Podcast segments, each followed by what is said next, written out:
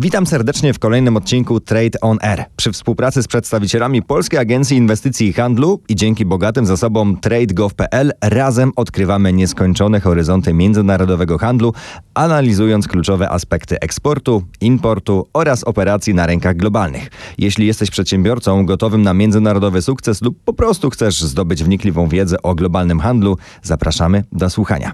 Ja nazywam się Paweł Olszowik, a dziś towarzyszy mi pani Marta Szczygieł, która na co dzień pracuje w zagranicznym biurze handlowym w Japonii. Dzień dobry. Dzień dobry. Na początek chciałbym zapytać e, może troszkę o kulisy pani pracy. Jak ona wygląda? E, załóżmy, że jestem przedsiębiorcą chcącym zaistnieć w Japonii. W jaki sposób e, Polska Agencja Inwestycji i Handlu może mi pomóc, między innymi za pani pośrednictwem? Około 80% pracy ZBH Tokio to właśnie wspieranie ekspansji polskiego przedsiębiorcy na rynek japoński. A pozostałe 20% to promocja Polski jako atrakcyjnej destynacji inwestycyjnej wśród japońskich przedsiębiorstw. I teraz odpowiadając na pańskie pytanie, czyli jak PAIH, e, w moim wypadku konkretnie ZBH Tokio, jak możemy e, pomóc ekspansję spółki, która się do nas zgłosi. Na samym początku postaramy się ocenić potencjał eksportowy spółki pod względem Japonii.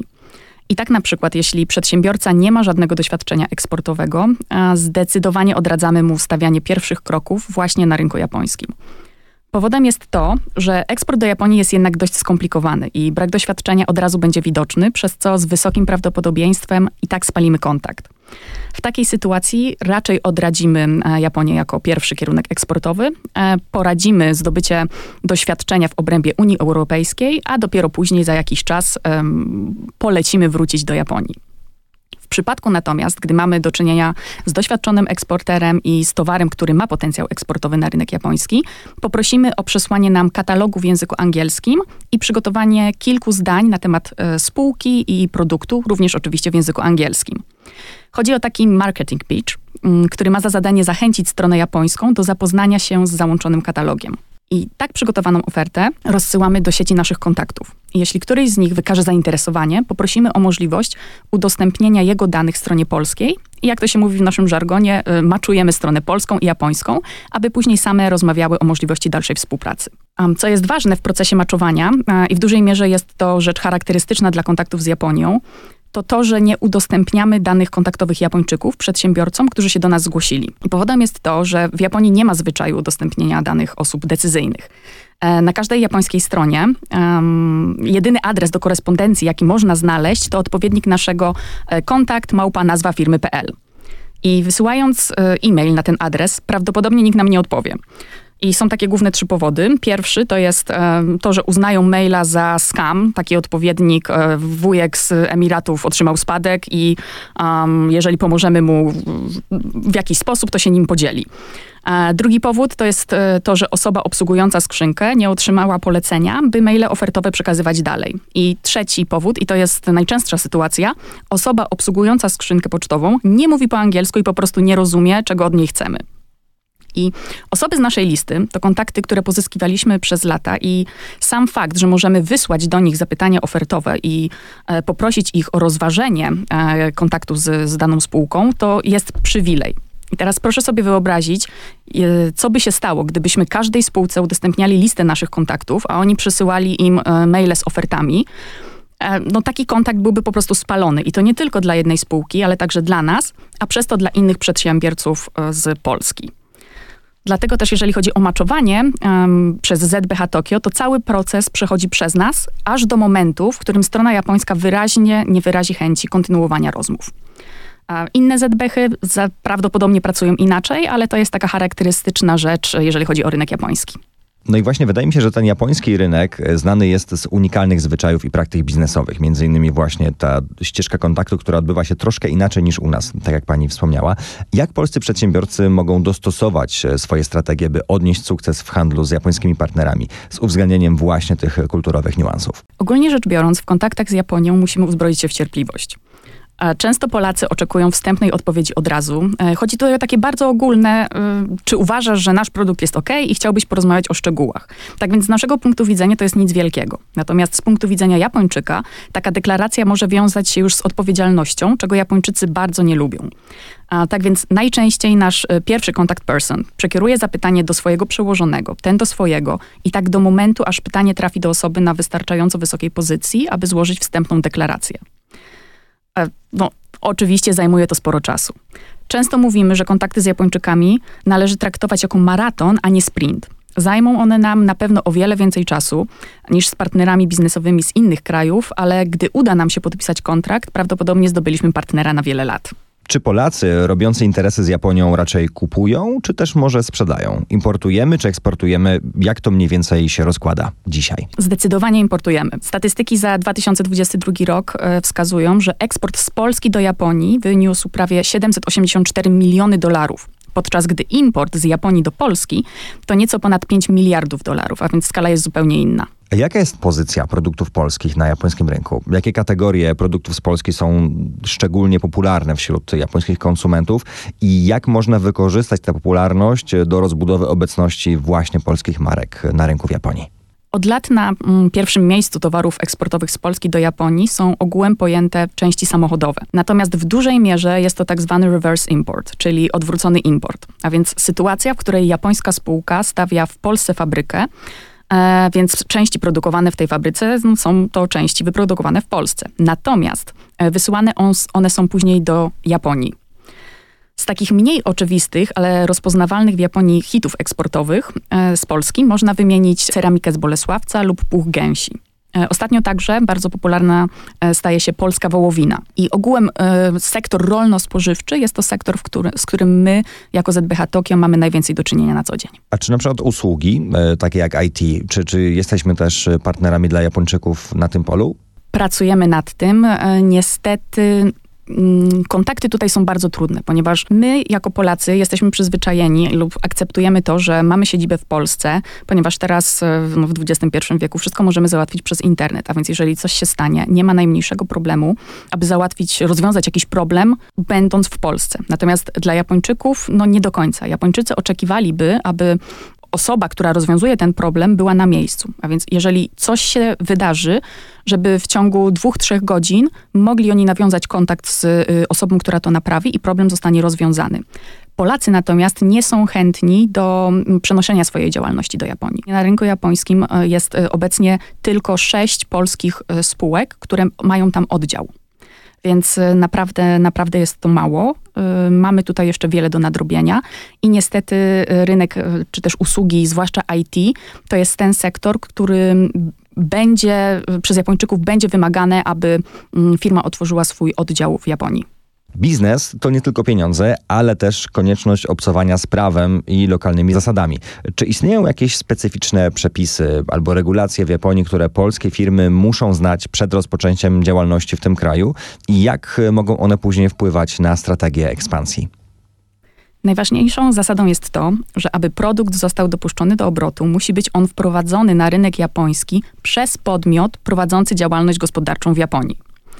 Z punktu widzenia polskiego przedsiębiorcy, e, który rozważa ekspansję na rynek japoński, oznacza to, że ma on dwie opcje. Pierwsza jest taka, że znajdzie japońskiego importera, który kupując towar przejmie na siebie obowiązek rejestracji i dystrybucji. Druga to rozpoczęcie działalności gospodarczej na własną rękę. My zdecydowanie e, polecamy pierwszą opcję, czyli znalezienie importera. I co ciekawe, nie chodzi tutaj nawet o to, że proces rejestracji spółki w Japonii jest jakiś bardzo skomplikowany, natomiast japoński łańcuch dostaw już tak.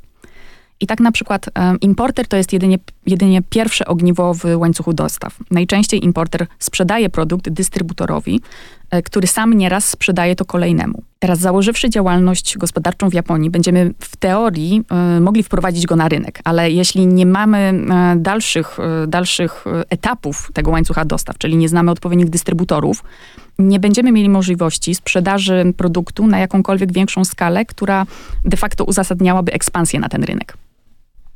W jaki sposób e, japońscy konsumenci oceniają jakość i wartość produktów?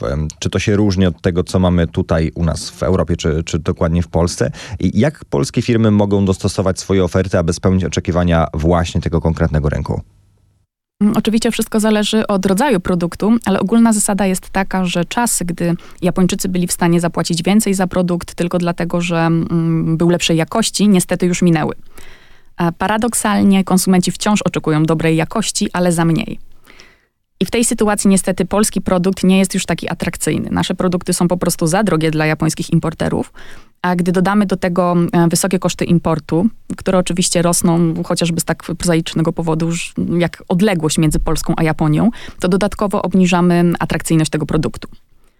Dodajmy do tego jeszcze, że aktualnie mamy historycznie niski kurs jena, który obecnie powoli zaczyna się odbijać i wynosi około 2,90 mm, za 100 jenów. E, natomiast e, to też nie jest sytuacja, w której importerzy y, chętnie e, podejmują wyzwania. Japończycy w ogóle niechętnie podejmują wyzwania, ale nie jest, nie jest to sytuacja, e, jeżeli chodzi o eksport do Japonii, e, która stawia polskie produkty na, na mocnej pozycji.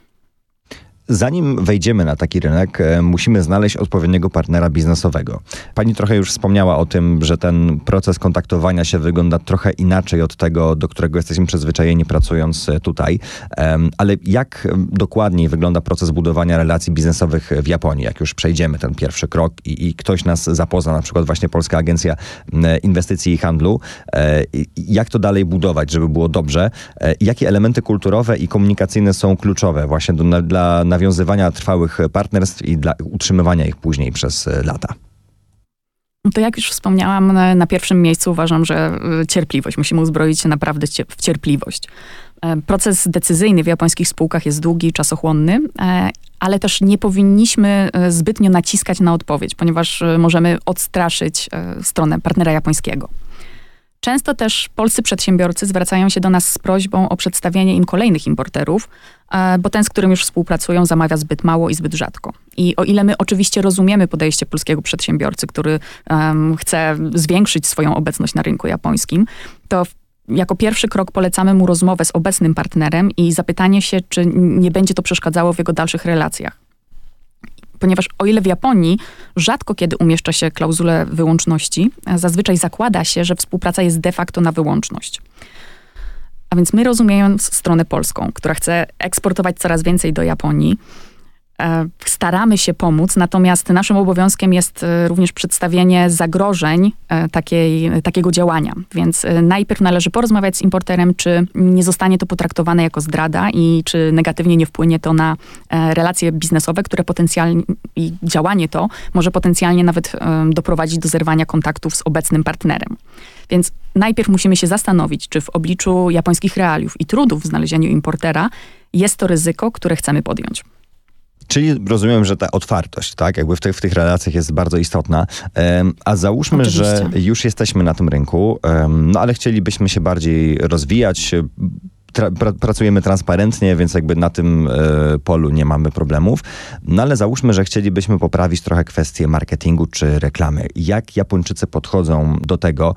Czy to się jakoś różni od tego, do czego jesteśmy przyzwyczajeni tutaj? Czy bardziej na przykład stawiamy na social media? Czy jednak te tradycyjne formy typu radio, telewizja, prasa? E, jak na całym świecie social media zyskują teraz i sposób reklamy przez y, y, social media zyskuje na, um, na popularności. Natomiast tutaj pozwolę sobie zauważyć, że praktycznie za marketing odpowiada strona japońska, ponieważ my y, podpisując umowę, właśnie tak, my nie do końca podpisujemy, jeżeli chodzi tutaj o y, umowę eksportową, my nie do końca E, podpisujemy kontrakt, że na przykład raz e, w miesiącu będziemy wysyłać e, kontener, dopóki nie zerwie się umowy, tak? My podpisujemy ze stroną japońską, działa to tak, że podpisywana jest umowa na wysyłkę towaru. A więc na przykład umawiamy się na wysyłkę, na wysyłkę jednego kontenera, mm, nie wiem, ciasteczek. Kontener już gdy dotrze do Japonii, jest on e, sprzedawany. Całym marketingiem zajmuje się strona japońska. My sprzedaliśmy towar i co dalej dzieje się z tym towarem, praktycznie nas nie interesuje. Strona japońska odpowiada za e, marketing, gdzie ją sprzeda, za ile, jaką uzyska marżę to nas nie dotyczy. Jeżeli produkt sprawdzi się na rynku japońskim, e, będzie cieszył się popularnością, strona japońska wróci do nas e, i podpisze kolejną umowę, ale również będzie to umowa tylko na wysyłkę e, na przykład kolejnego kontenera lub dwóch kontenerów tych ciasteczek. A czy widzi Pani na przykład jakieś takie branże, które jeszcze dzisiaj są nie, niezagospodarowane, a w których polscy przedsiębiorcy mogliby się odnaleźć? Japonia boryka się teraz z, z kryzysem demograficznym. No, Polska zresztą też, natomiast w Japonii naprawdę jest to odczuwalne. i wszystkie branże polegające na usługach, a więc chociażby IT, o którym już rozmawialiśmy. Jest to trudne, jest to rynek trudny, natomiast jest tutaj wielkie zapotrzebowanie. Tylko tutaj mm, dużo, dużo zależy od polskich przedsiębiorców, e, od tego, czy są w stanie zainwestować w Japonię, więc czy są w stanie wysłać e, chociażby jedną osobę, która byłaby na miejscu, czyli otworzyć taki branch office. E, Polacy jeszcze nie są do tego chętni i też się nie dziwię, ponieważ jeżeli nie widzą, nie widzą potencjału albo to dopiero ten potencjał na zysk wiąże się z inwestycją na przykład roczną lub dwuletnią, nie wszyscy są na to gotowi, ponieważ e, jesteśmy przyzwyczajeni troszeczkę, że tak e, powiem, rozbestwieni e, naszą, naszą pozycją w Unii Europejskiej, że bez zbyt dużych nakładów finansowych jesteśmy w stanie, jesteśmy w stanie szybko uzyskać dosyć duży przychód, tak? W Japonii jednak nie tak to wygląda. Dlatego też z jednej strony jest brak chęci ze strony polskich e, przedsiębiorców na inwestycje w Japonii, e, a właśnie taka inwestycja w, sektorach typu e, IT czy szeroko pojętych usług ma szansę zwrócić się niestety po jakimś czasie. A czy są na przykład jakieś programy wsparcia od Japonii, które mogłyby zachęcić polskich przedsiębiorców do inwestycji tam? Tutaj też niestety, niestety nie ma zbyt dużego wsparcia. Znaczy jest wsparcie od agencji um, siostrzanej, czy też analogicznej do Pajchu, Jetro. A więc na przykład e, rozważając ekspansję na rynek zagraniczny, e, można uzyskać miejsce w, w przestrzeni coworkingowej, a więc mamy zapewnione biuro, pomagają nam zdobyć wizę, e, tłumaczą wszystkie właśnie kruczki prawne i tak dalej. Natomiast nie ma e, takich grantów finansowych, a najczęściej to jest pierwsze pytanie ze strony polskiej, czy, czy jest jakaś pomoc finansowa, jeżeli chodzi o ekspansję na rynek japoński. A co radziłaby Pani polskim przedsiębiorcom, którzy są zainteresowani ekspansją na rynek japoński, e, aby zbudować skuteczne strategie wejścia i rozwijać e, trwałe relacje biznesowe? No i jak Polska Agencja Inwestycji i Handlu może jeszcze im pomóc e, oprócz właśnie tego matchingu? Przede wszystkim mm, należy odrobić tę pracę domową, czyli sprawdzić, czy państwa produkt ma szansę wejścia na, to znaczy szansę wejścia ma oczywiście, ale czy ma e, szansę powodzenia na rynku japońskim, e, z czym wiąże się eksport. Zastanowić się, czy mają państwo po prostu tyle samo zaparcia i cierpliwości, żeby postawić właśnie na Japonię.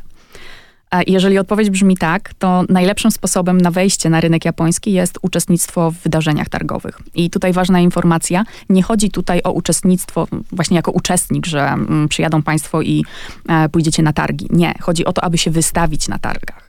To dla Japończyków jest bardzo ważne, ponieważ spółki wystawiające się na targach pokazują, że e, mają tą determinację, mają też środki, aby się wystawić i zaprezentować w Japonii, a więc od razu dodajemy sobie powagi, że jesteśmy, jesteśmy e, spółką, z którą warto rozmawiać. I zdajemy sobie oczywiście sprawę z tego, że koszty wystawienia się w targach w Japonii są nieporównywalnie wyższe niż analogiczne działanie w Europie. Dlatego też uważam, że naszą misją, i to właśnie e, druga część pytania, czyli jak PAIH może pomóc. Naszą misją jest y, przede wszystkim rzetelna analiza i doradztwo w kwestii ekspansji na rynek zagraniczny. No i w moim przypadku jest to rynek japoński. I nie chodzi o to, żebym mogła pochwalić się statystyką, tak, wielką liczbą przedsiębiorstw, którym obiecałam sukces w Japonii, tylko liczbą przedsiębiorstw, z którymi y, usiadłam i wspólnie zastanowiliśmy się, czy Japonia to jest akurat kierunek dla nich. Chcę, aby e, przedsiębiorcy podejmowali świadome decyzje. I moją rolą jest przedstawienie spersonalizowanej ekspertyzy za, ale również i przeciw. No i chyba właśnie dlatego warto w pierwszej kolejności zwrócić się do Pajchu po pomoc, e, ponieważ my właśnie po to jesteśmy, aby pomóc państwu podjąć świadomą decyzję, czy to jest e, kierunek dla państwa, a jeżeli nie, to jaki kierunek jest bardziej odpowiedni. Proszę mi jeszcze powiedzieć, jak portal tradegov.pl może pomóc polskim przedsiębiorcom zainteresowanym właśnie rynkiem japońskim? Jakie konkretne narzędzia i informacje są tam dostępne, e, które mogą pomóc właśnie firmom w zrozumieniu i nawigacji po specyfikach tego rynku i jak przedsiębiorcy mogą skutecznie wykorzystać te zasoby w praktyce? Na portalu tradegov.pl możemy znaleźć e, analizy rynku, informacje o najnowszych trendach lub najważniejszych wydarzeniach branżowych dla interesującego nas kierunku ekspansji. Idealnym rozwiązaniem byłoby, gdyby przedsiębiorcy najpierw zapoznali się z informacjami dostępnymi na tradegov.pl i w oparciu o nie wybrali potencjalne kierunki ekspansji. I dopiero jako kolejny krok e, zgłosili się do Pajchu w celu konsultacji z ekspertami e, właśnie z interesującego ich rynku. Czy może coś panią zaskoczyło w trakcie pani pracy w Japonii, a może jest coś, co panią bardzo zdziwiło? Właśnie anegdota, która, która pokazuje, jak Polska jako brand w Japonii, jak, jak jeszcze wiele mamy do nadrobienia. E, zgłosiło się do nas e, polskie przedsiębiorstwo, które poprosiło nas o, o mediację, o ingerencję, o interwencję, ponieważ e, chcieli zakupić pewien produkt. Był to środek chemiczny od, od japońskiej spółki. I japońska spółka E, najpierw im nie odpisywała na maile, nie, nie było w ogóle żadnego kontaktu, a później po prostu powiedziała, że im go nie sprzeda.